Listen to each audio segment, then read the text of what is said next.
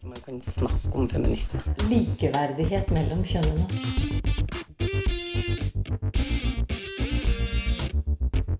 Det blikket på kvinnen på film. handlet det om å bli tatt på alvor som jente. Du hører på Kvinnesaken på Radio Nova. Nye lover i afrikanske land har gjort fremskritt når det gjelder kvinnehelse. Og norske ungdommer har samlet inn penger til seksualopplysning for ungdom i Sør-Amerika. Og husker du emneknaggen 'Jeg har opplevd'? Vi oppsummerer året som har gått, og likestillingsfronten.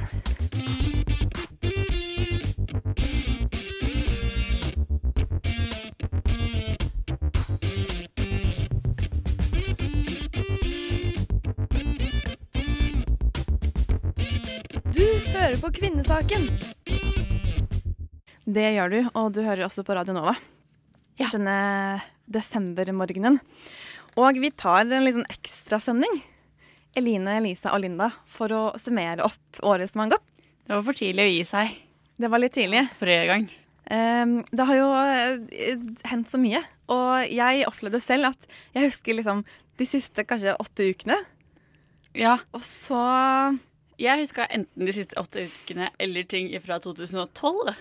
Ja, eller 2014. 2014. Det var liksom Ja. litt vanskelig å finne den uh... Finne 2015. Ja. Men er det et dårlig tegn? At man har glemt 2015 litt? Bør kanskje oppsummere oftere. Eh, Ja. kanskje? Ja. ja, men det har jo skjedd utrolig mye spennende, og det er liksom gøy å se hvor mye det kan være både på eh, mindre nivå og større nivå. Og alt kan være viktig, da. Vi skal ikke bare oppsummere kvinnesakene. Jeg har også funnet frem litt musikk for å summere opp listemusikken her på Nova, og funnet frem hovedsakelig kvinner. Yay. Ikke bare kvinner, men hovedsakelig kvinner. Eh, og da kan vi jo starte med Hanna von eh, Bergen. Det er ikke så lenge siden hun ble listet, faktisk. Det var nå i høst. Det er ganske kul låt. Ja. Organic Soup hører du her.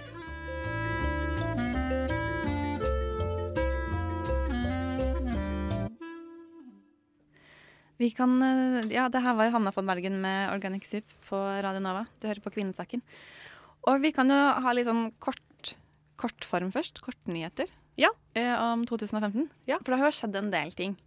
Og det som jeg syns er veldig fint, det er at det er to afrikanske land som i løpet av året har forbudt omskjæring av kvinner. Det er eh, Først ute var Nigeria. Det var eh, i mai, tror jeg den ble godkjent. En av de siste handlingene som den avtroppende presidenten eh, fikk igjennom. Og det var ikke bare at han eh, forbød kjønnslemles- kjønnslemlestelse av kvinner, men eh, han forbyr også menn å forlate sine koner og barn uten økonomisk støtte. Oi! ja. Det står her i loven. Ja, Det er bra. veldig fint. Mm. Eh, og også var det Gambia har nå i november forbudt Ja. da kjønnslemlestelse av kvinner. Det rakk vi å nevne på tampen av en sending her i november, faktisk. Det gjorde vi. Og da er det noen som har kommentert at eh, det er fremdeles mange land igjen hvor det her er en praksis. Men nå ser man da at eh, når flere og flere lager sånne lover, Mm, så håper man på, på sånne ringvirkninger. absolutt. Det er jo kjempeviktig. Selv om loven ikke nødvendigvis følges til enhver tid, så er det jo i hvert fall et kjempetydelig tegn. Da. Ja, og det begge disse presidentene har sagt, det er at eh, det er ingenting i islam som lovpålegger at kvinner skal uh, kjønnslemlestes. Det er Mm. mer en sånn praksis, og det er ganske muslimske land. Majoriteten er liksom muslimer i disse to landene. Det er Mm. veldig bra. Ja. Man må jo starte en plass, liksom. Så Ja. da er jo Og så har de jo også fått uh, kvinnene har fått stemmerett i Saudi-Arabia nå nylig.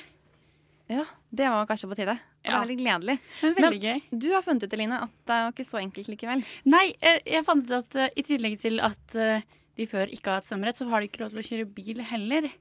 Så det er liksom et stort praktisk problem, da. Det er greit at de har fått stemmerett, men hvordan skal de komme seg til urnene? Og det er kanskje sånne ting som vi tenker på at det er en selvfølge her. At så, wow, de kan stemme, så gøy, da, da kan vi gå og stemme. Men det kan de ikke. Så de måtte sette opp sånne egne taxier, da. Som eh, frivillig kjørte kvinnene til urnene. Rett og slett. mm. Ganske kult. Ja. Men jeg liker jo at de faktisk gjør det. Veldig bra. At de faktisk eh, tar litt tak i det og ser at oi, vi må gjøre det helt praktisk. Mm. Mm. Og så har du funnet frem en sånn ekteskapslov, Lisa.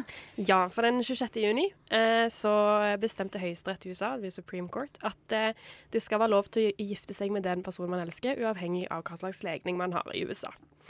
Eh, og det er jo kjempe, en kjempegod nyhet. Så det førte jo til masse store feiringer og masse profilbilder med pride-fargene på, i, på Ja. Jeg syns det er så fascinerende. Og jeg, jeg blir faktisk fascinert når det kan stå kvinner eh, foran disse lokalene og gråte av skuffelse. Og de er imot, ikke fordi at de er imot homofile, men de, vil, de mener at det her er ikke til de homofiles beste. Å Ja. Å ja, Det ja, her var det mm. nemlig saker på. Så de gråter av, av bare godhet. Nei, det er liksom, det her er oppriktig trist. Ja. Hvorfor Hvor kan ikke gjøre det her? Fordi at ja, de, de elsker sikkert mennesker, de også, men det er ikke til de homofiles beste at de kan gifte seg med hvem de vil.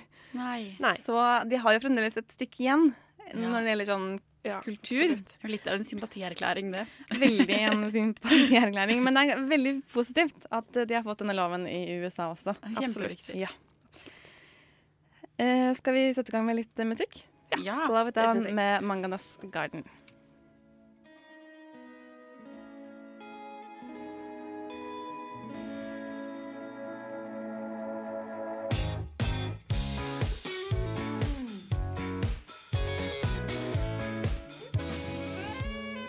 Litt sånn disko-funk eh, her Yeah. eh, i Kvinnesaken på Radio Nova med Eline, Linda og Alisa. Du hørte Manganas Garden. Og eh, det er ganske mange kjendiser som har snakket om eh, feminisme og likestilling i året som har gått. Ja, det har skjedd mye i popkulturen. Mm. Jeg syns en av de kanskje kuleste tingene da, var eh, Jennifer Lawrence, som skrev et essay om, eh, med tittelen 'Why do I make less than my male co-stars?' i eh, de her Lenny Letters, som har eh, vært en greie i år. Hvis dere ikke har fått med dere det, så anbefaler jeg også det fra popkulturen. Eh, Lena Dunham sine nyhetsbrev og podkast også, som er kjempebra. Eh, sjekk ut det. Men her skriver Jennifer Lawrence i etterkant av den Sonny-liken som skjedde der vi fant ut at mannlige skuespillere tjener veldig mye mer enn kvinnelige skuespillere. Det var faktisk såpass at Jeg vet ikke helt åssen det funker, men det viser seg at det er sånn at de tjener liksom prosent av profitten på filmen. Så Jennifer Lawrence har tjent 7% mens henne mannlige skuespillerkollegaer tjente 9% Det er ganske betydelig forskjell. Absolutt. Og så skriver hun i det essayet her at hun er lei av å, å finne liksom søte og fine måter å være å, bli likt på, da. Og mener at eh, det her er problematisk. At hun hele tiden må være snill, liksom. Ja, at hun det, altså det, det er liksom på en måte rollene hun får, eller at hun bare måten hun Ja. skal reklamere Eller liksom på Ja. pressekonferanser og sånn som det, at hun må, At hun må gjøre seg likt, ja. da. må Hele tiden. oppføre seg på en spesiell måte, liksom. Mm. Ja. At hun, hun sier at hun aldri har vært, eller opplevd at hun jobber med en mann som har måttet være søt og hyggelig for å få viljen sin. Ja. Og at hvis hun oppfører seg likt som mann, så tror han hun at hun bare kommer til å bli kalt liksom a brat. Altså, Ja, eller bitch, eller ja. veldig kult. Og eh, Lawrence gjorde også noe veldig gøy på Oscar-utdelingen i 2013. Når hun eh, ropte inn de der manicam-greiene. Husker du det? De hadde sånn der, Manicam som man legger hånda på et kamera for å vise neglelakken sin. Som de kvinnelige skuespillerne måtte gjøre. Oh, ja. Sammen med å si hva slags designer kjolen var laga av. Ah, mm. Så ja, da ropte Lawrence sånn Hun ropte 'Your ass is my stone', fordi hun hadde en greie med Emma Stone om å kødde det til med manicamene. Veldig gøy. Absolutt. Men det Mm. er jo noe man i flere år har kritisert. At eh, kvinner i populærkulturen alltid må snakke om hår og Ja. negler og sminke og klær. Ja. Mens menn, enten de er musikere eller regissører eller skuespillere, de får liksom snakke om det de gjør. Oi, unnskyld. det de gjør. Ja, men jeg tror det her har blitt gjort et veldig oppgjør med nå, da, med den der, eh, Ask for more-kampanjen også, med kvinnelige skuespillere. Spør om mer enn designkjolen. Har dere sett det intervjuet som de har snudd opp ned på rollene? Som de kvinnelige skuespillerne spør mannlige skuespillere alle de kvinnelige spørsmålene. Sånn Ja, den dressen din, hvem er som har designa den? Og hvordan går det etter at du slo opp med han? Det, det er Ja. megasurrealistisk og understreker det veldig godt. ja. Men det er jo flere menn i år også som har sagt sånn Hallo, det her er teit. Ikke still sånne Mm. tåpelige sexistiske spørsmål. Mm. La oss snakke sak. Ja. Ikke hvorvidt jeg tenkte over at kvinner i den filmen har så stor plass. Mm. det er bra at det, at det skjer en eh, At det skapes oppmerksomhet rundt. Da. For jeg tror ikke egentlig at det er så enkelt at film bare er film heller. Jeg tror Nei. det er det veldig viktig at vi er oppmerksomme på hva som skjer i den kulturen. Absolutt. Og bare også generelt i popkulturen. At det er Ja. kjendiser som Ariana Grande og Nicki Minaj og Taylor Swift som, som snakker om disse tinga. For det er òg veldig viktig med tanke på den yngre generasjonen, som har disse som de største forbildene i hele verden. ikke sant? Vi skal ganske snart uh, peile innover mot uh, Norge igjen, men aller først her er Pale Honey og Over Your Head.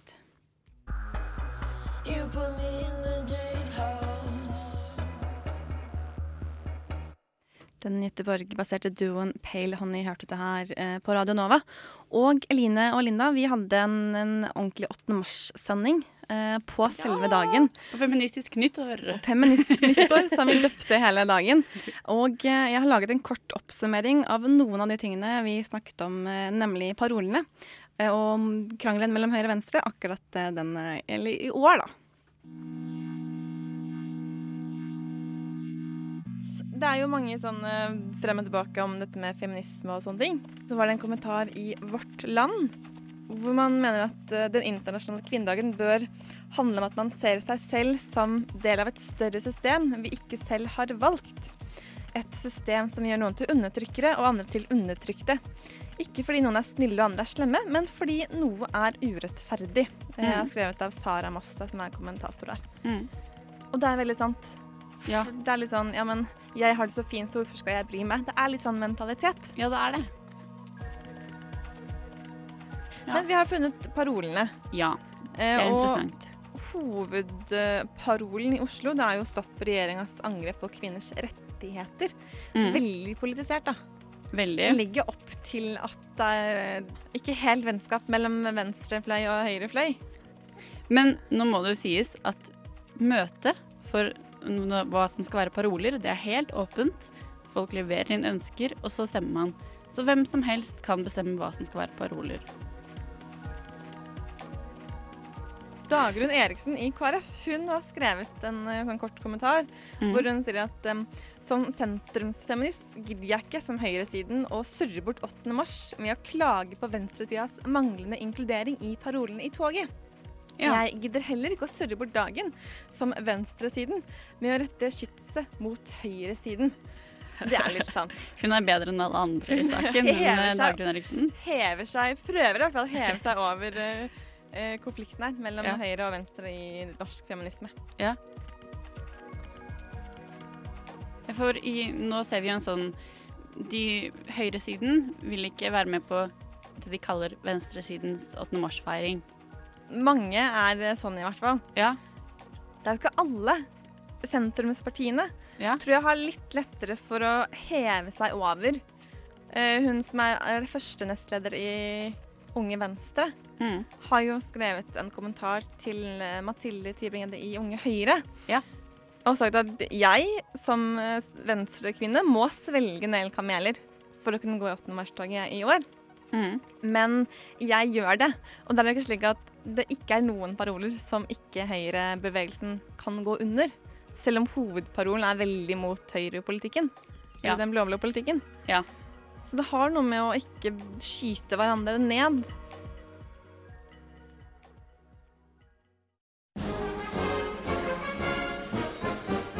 Tenk på da vi gikk i demonstrasjonstog, og Ingrid på seks år gikk med plakat hvor det sto 'Jeg vil bli statsminister'. Og alle mennesker lo langs ruta for at en jente skulle kunne bli statsminister. Du hører på Kvinnesaken på Radio Nova.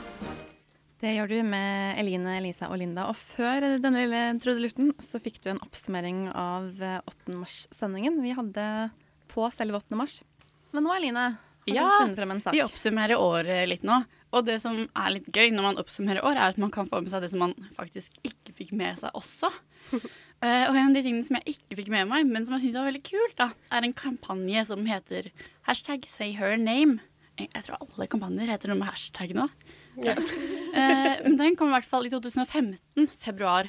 Og det det handler om, er at politivold i stor grad rammer kvinner, eller afroamerikanske kvinner også, og særlig da queer-kvinner og transkvinner. Eh, og en som heter Dream Hampton, har sagt at, eh, at det her ofte rammes inn som et eh, black male problem, men at det er eh, på tide å fortelle hele sannheten. At det ikke bare er et black male, men også et black female problem. Og det som kampanjen går ut på, er å si navnene til de som har blitt ramma av eh, politivold. Altså du liksom bare setter fokus på Ja. individene, egentlig. Fortelle historien og sette det i en kontekst, altså sette en ramme rundt det. Fordi historien ofte fortelles om svarte menn og ikke svarte kvinner. Så jeg syns egentlig det er et veldig spennende konsept, akkurat det her med å rett og slett bare synliggjøre det så tydelig. For det er bare toppen av det enorme isfjellet Ja. som når mm. nyhetsmediene, i hvert fall her i Norge, da. Ja, jeg var ikke klar over at det var så mm, ekstremt heller. Da. Eller det, jeg har ikke tenkt over at det er et problem som ofte usynliggjøres.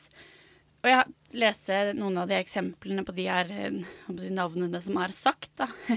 Og da er det annet ei som heter Miriam Carey, som, eh, som kjørte bilen sin nær et sånn security checkpoint, jeg vet ikke hva man skal si på norsk, på en, rundt eh, Det hvite huset. Og så nekta hun å stoppe når politiet sa hun skulle gjøre det. Eh, og da ble hun skutt da, flere gang- ganger av en politimann mens den ett år gamle datteren hennes satt i bilen. Oi. Eller en annen eh, av de her eksemplene er ei som het Shelly Frey, som, eh, som stjal klær på Walmart i 2012. Og hun ble også skutt to ganger. Så det er jo ikke pene historier i det hele tatt, da. Så det er jo kjempeviktig at det er Ekstremt fokus på. Du, du skyter folk når Ja. de ikke hører på deg. Ja, det er, det er eh, en veldig spennende kampanje. Eh, og Chanel Monet også har laga en låt til den som er sånn sinnssykt catchy. Vi kan høre litt av den.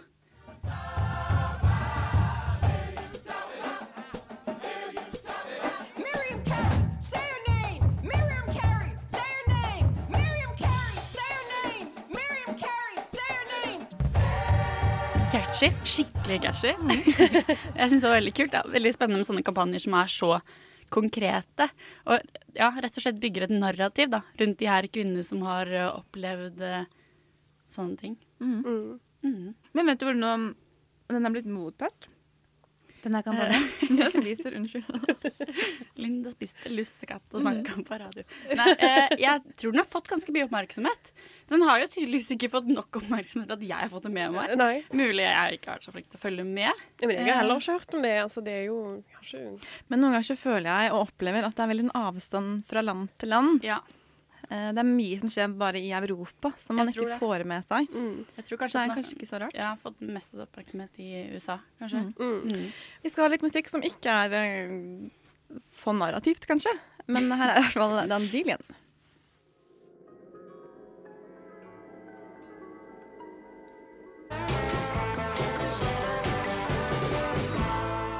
In Shadow of Light sang den Dandelion her på Radio Nova. I år så etablerte det seg feministiske lister til kommunevalget både i Bergen og i Oslo. Og først ute, det var Bergen, og vi skal høre et lite klipp fra P P1 Hordaland om denne begivenheten. Eh, Det er fordi at vi ser at det er et behov for et eget parti som setter feminisme først.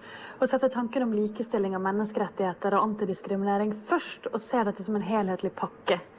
Det gjøres mye godt feministisk arbeid i eh, de forskjellige partiene, men det blir for ofte redusert til et særspørsmål eh, med særegen kvinneorganisering eller noe som eh, kvinnene kan holde på med. Mens dette er jo faktisk et spørsmål som angår oss alle. Det fortalte Sunniva Skulse Flori til P1 tidligere i år om Feministisk initiativ i Bergen. Og Radio Nova har også hatt besøk fra FI, som de kaller seg kort, her på Radio Nova. Og vi skal høre et lite utdrag fra et intervju med Katrine Linn Kristiansen og Mohammed Ali. Det er et veldig stort behov for et eget feministisk parti i, i dagens samfunn. Sverige er et veldig godt bevis på det. Man så jo selv i Sverige at eh, når feministene samlet, samlet seg der, så var det veldig mange som endelig fikk utløp for sin, eh, feministis, sitt feministiske uttrykk. da. Som det ble nevnt tidligere, så har feminismen blitt sett på som en sidesak eh, og spilt en birolle. Vi mener jo at feminismen er en helhetlig ideologi og en helhetlig politikk som burde gjennomsyre alle mulige eh, politiske spørsmål. da. Om det er økonomi, om det er sosialt, om det er Ikke sant? Men i Norge så er jo sosialfeminismen den som står sterkest. Ja. Og den er veldig venstreorientert. Hva, hvor plasserer eh, FI seg i det politiske landskapet? Jeg ser jo at SV og Rødt og de kommer nok til å tenke at vi kanskje vil være en fiende, men det vil vi bare gjøre klart at det er vi ikke. Men eh, vi ønsker et parti som kan eh, være mye mer tydelig på de feministiske spørsmålene og favne mye bredere. Og vi, er jo, vi ønsker jo å være en strukturkritisk og normkritisk parti. Og det føler ikke vi at eh, vi finner i SV, Rødt eller Arbeiderpartiet. Men det er et voksende engasjement i Oslo. Vi så jo det i 2014 med rekordoppmøte på 8. mars, og det samme i år. Så det er en bølge på gang, og vi ønsker at og den bølgen skal organisere seg og faktisk inn i makten. Men i Sverige så har man snakket om en, nesten en revolusjon, eh, fordi den står så sterkt. Er det litt sånn påvirkning som nå Er det en vind som blåser over til oss? Vi har jo blitt veldig mye Vi har blitt ganske påvirket av Sverige på mange områder før. Eh, og dette er heller ikke et unntak. Bølgen skyld Altså, feminismen er jo en global sak. Og det er det som på en måte kommer fram nå, når vi i Norge også må mobilisere oss. For i Sverige så eh, er det en undersøkelse fra 2014 som sier at nesten halvparten av alle svenskene de kaller seg selv feminister. Tror dere at vi vil få en økning ved at man samler seg tidligere rundt eh, et eh, eget parti, også her i Norge? Ja, det, det tror vi nok. Jeg vet at veldig mange har en misoppfatning av hva feminisme er. Det er på en måte et ord som alle har en mening om, men ikke alle vet eller kan så veldig mye om. Så vi tror at eh, ved å få feminisme mye mer synlig på agendaen, og det må vi Det, klar, det klarer vi nå, Det klarer vi. håper jeg, så vil eh, flere måtte ta stilling til det, og også få mer kunnskap om hva det faktisk handler om, da. For det er ikke Ja.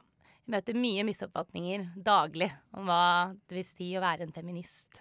Men i Bergen så var det litt snakk om eh, kommunepolitikk er veldig sånn konkret politikk. Hvordan skal man få likestilling inn i Oslo-politikken? Det er det jo mange, mange måter å gjøre på.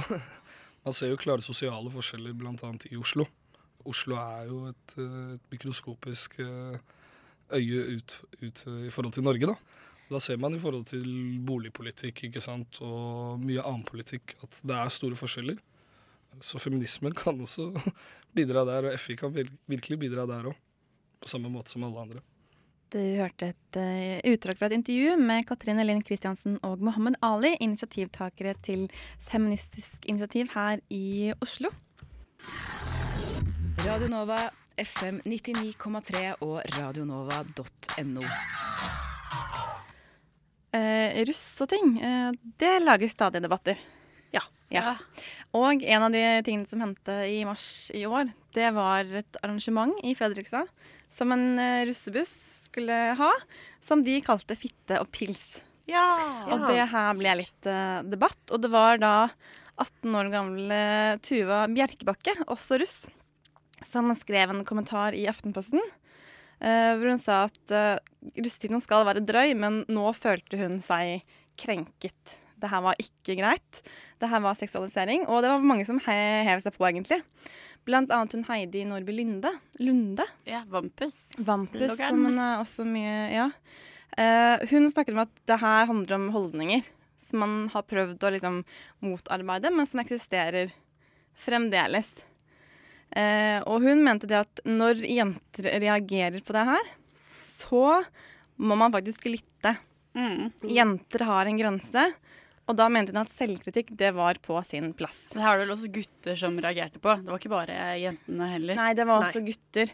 Det som jeg syns er litt drøyt, det er at Bussruss, som er Norges største side for bussruss på Facebook, de støttet denne guttebussen. Og mente at uh, hallo, det er, det er ikke så ille ment. Vi må tåle litt uh, støtt opp om disse guttene. Uh, og de mente jo selv, disse guttene, at det var jo ment ironisk. Å nei. Ja. Altså. Fordi russetiden handler ikke om å ha sex og drikke øl, liksom? Nei, altså eh, hun var- Vampus har sagt at eh, man implisitt inviterer til fitte og pils. Ikke implisitt egentlig heller, Eh, tenker jeg. Egentlig Det er veldig tydelig. eksplisitt. Ja, det er jo det. Eh, og så kommenterer hun at uh, jeg håper at ja, De har jo ikke noen fitte. Hvordan kan de da invitere til fitte? uh, og det bør jo være frivillig fitte, og ikke sånn presset til sex. Eh, hun var veldig kritisk. Og de stilte seg da De var veldig overrasket ifølge seg selv da, til denne kritikken, for det var jo ikke ment sånn. Og mente at at eh, hun Tuva, som hadde kommentert det først, diktet opp sine egne tolkninger, som faktisk gir uttrykk for et direkte personangrep på oss i bussen. Rett og slett. Ja, stakkars. Mm. Ja, det er jo ganske Det, det blir, henger jo godt sammen med den russesangkritikken som også var i Storfjord. Men, jeg tenker at det, det er jo ikke så innmari rart at det skjer så mye voldtekter rundt på Tryvann når hele konseptet er sånn Vi lover fitte og pils, liksom. Og det lover russebuss og russedress og alle de folka også. Ja, det er veldig sånn. Overraskelse. Likestillingssenteret de kom også på banen eh, og snakket om at eh, ungdom trenger mer eh, kunnskap om hva som er seksuell trakassering. Ja. Og hun brukte som eksempel ordene hore og homo, Mm. som folk mener at det er jo helt nøytrale. For det går man rundt og kaller hverandre hele tiden, og man leser hele tiden. og det er ikke ladete begreper. Og så snakker Likestillingssenteret med ungdom. Og så innser de etter hvert, eller de innrømmer at det brukes jo bare negativt. Og hun mener at det samme har ordet fitte. Det er ikke et nøytralt ord, for det brukes alltid i negativ forstand. Ja. Eh, Og dermed så handler det litt om kunnskap og mangelfull forståelse, egentlig. Jeg lurer på hva som hadde skjedd hvis jeg hadde kalt det sånn pikk og prosecco eller noe. Eller kuk og bobler, som hun Vampus Ja, foreslo at ja. vi kunne kalle det istedenfor. Det hadde blitt litt sånn geriljaaktig, tror jeg. Ja. Eller jeg synes det høres sånn ut. Dolce er eh, noe annet som har blitt spilt på Nova det siste året. Her er Ines Palema.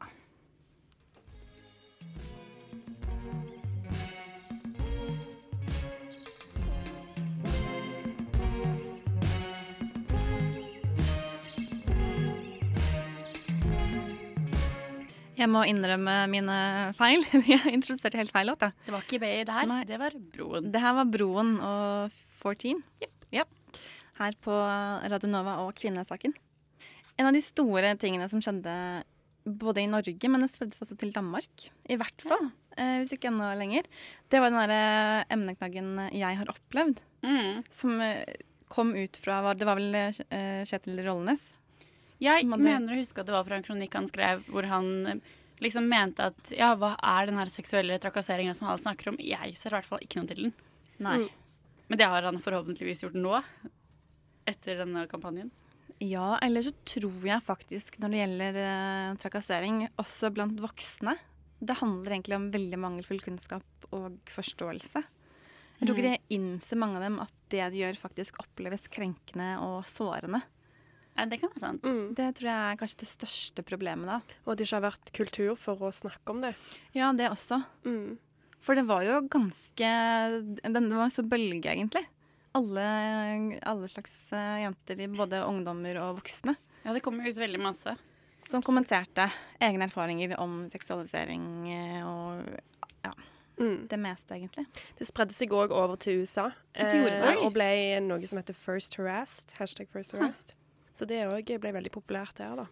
Ja, jeg vet I Danmark i hvert fall, så tok det også Det var liksom en sånn først norsk bølge, og så spredde det seg til Danmark, som hadde egentlig den samme greia. Og Det tyder jo på at det er et veldig sånn verdensproblem, egentlig. Det var et kjempekult eh, synliggjøringsprosjekt. Det var jo, jeg tror det var også ganske en del menn, altså det ble ikke bare en kvinnegreie, men også en del menn som hadde opplevd eh, situasjoner der kvinner ble trakassert. da. Ja, og så skal man vel ikke se bort ifra at menn kan oppleve det samme. Nei. Så bare man snakker om det og blir liksom bevisst på hvordan man snakker til hverandre og om hverandre, så liker jeg å tro, eh, hvis jeg skal være litt naiv akkurat nå, at verden blir bedre. Ja. ja. ja jeg også. Veldig bra kampanje. Mm. Nærme seg litt sånn eh, slutten. Vi skal ha, litt mer sånn oppsummering eh, etter hvert. Eh, litt sånn, ja. Men nå da, kan jeg si endelig, så kommer det jeg introduserte tidligere. Dolce. Eh, de er vel, er de svenske? Jeg lurer på om de er det. Jeg tror det. Eh, litt sånn eh, androgyn stemme. Det er, Det er litt kult. Det er ikke så veldig sånn kvinnelig, men så er det det likevel. Mm. Ja, vi liker det. Eh, du hører Ines Palema.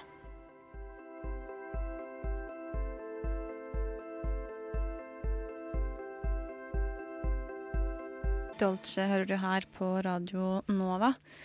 Litt sånn eh, oppsummering til slutt også, Lisa. Ja. Du har funnet frem en eh, svensk bra dame. Ja.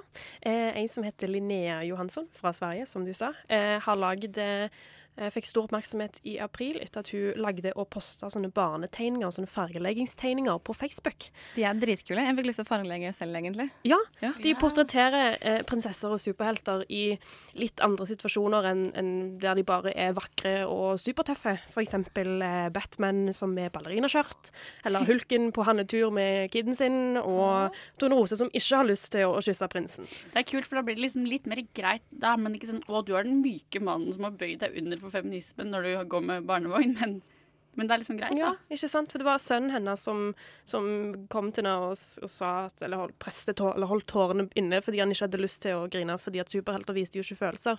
Så Mm. da tenkte jeg at nå må jeg gjøre noe med dette. Eh, jeg kom på akkurat nå eh, Huffington Post i USA postet ganske nylig en sånn video hvor både jenter, altså barn og kvinner forteller ting som man hører fordi man er kvinne. Ja, og en av kommentarene der var at det er jo det samme med menn. For eksempel at du skal liksom være så mandig, og du skal være tøff, du skal manne deg opp. Ja, det tror jeg også. Så det Ja. å tegne liksom de tøffe, kule superheltene som litt mer sånn feminine og myke At man, Mm. altså mannen har to sider. Og det å mannen alltid skal være så tøff, Ja. det er egentlig ikke helt uh, virkeligheten, det heller. Bryte opp i de tradisjonelle kjønnsstrukturene, rett og slett. Ja. Eh, og det, det som også var veldig fint i år, da, det var et Operasjon Dagsverk eh, samlet inn penger til seksualopplysning og undervisning i Chile, Argentina og Peru. Mm. Og jeg syns det er noen på tide at norske ungdommer får vite litt om hvordan det er å være ungdom andre steder i verden, på akkurat det punktet. Og det her var et prosjekt som The det er Amnesty som har det. Det heter Med lik rett. Og de skal liksom, eller ikke liksom, de skal lære om rettigheter knyttet til sin egen kropp og seksualitet. For de snakker jo ikke om sånne ting i disse Det er vel veldig sånn katolske land. Fordi man ikke snakker om det, så forstår heller ikke særlig unge jenter at de f.eks. blir seksuelt utnyttet eller voldtatt. Eh, De skjønner ikke hva som skjer med kroppen når du er tolv år og gravid. Og kroppen takler du heller ikke. Nei. Så de skal nå få opplæring i sine egne rettigheter. For det er faktisk menneskerettighetene sier at man har rett til å bestemme over sin egen kropp. Og da må man ha kunnskap om hva det vil si å innebærer, og hva man gjør hvis man blir voldtatt og gravid. Veldig viktig. Vi hadde et intervju med de også, så sjekk det hvis du er gira. Alle, Masse sendinger på iTunes, masse sendinger på Radionova slash Kvinnesaken i repriseboksen. I repriseboksen. Så du har noe å høre på hele jula. Og så er vi tilbake etter jul. Ja. Det må vi også nevne. Det blir gøy. Mm. Det blir veldig bra. Den eh, siste timen så har du hørt Eline Elin Nystad, Lisa Aasbø og Linda Therese Rosenberg. Tekniker har vært Petter Pettersen. Og etter oss så kommer frokost! De der- har julespesial. Så nå kan du bare ligge i senga hele dagen og høre på frokost snakke om eh, jul og desember og uh, gjøre alt det de er skikkelig gode på. Det er veldig hyggelig. Mm.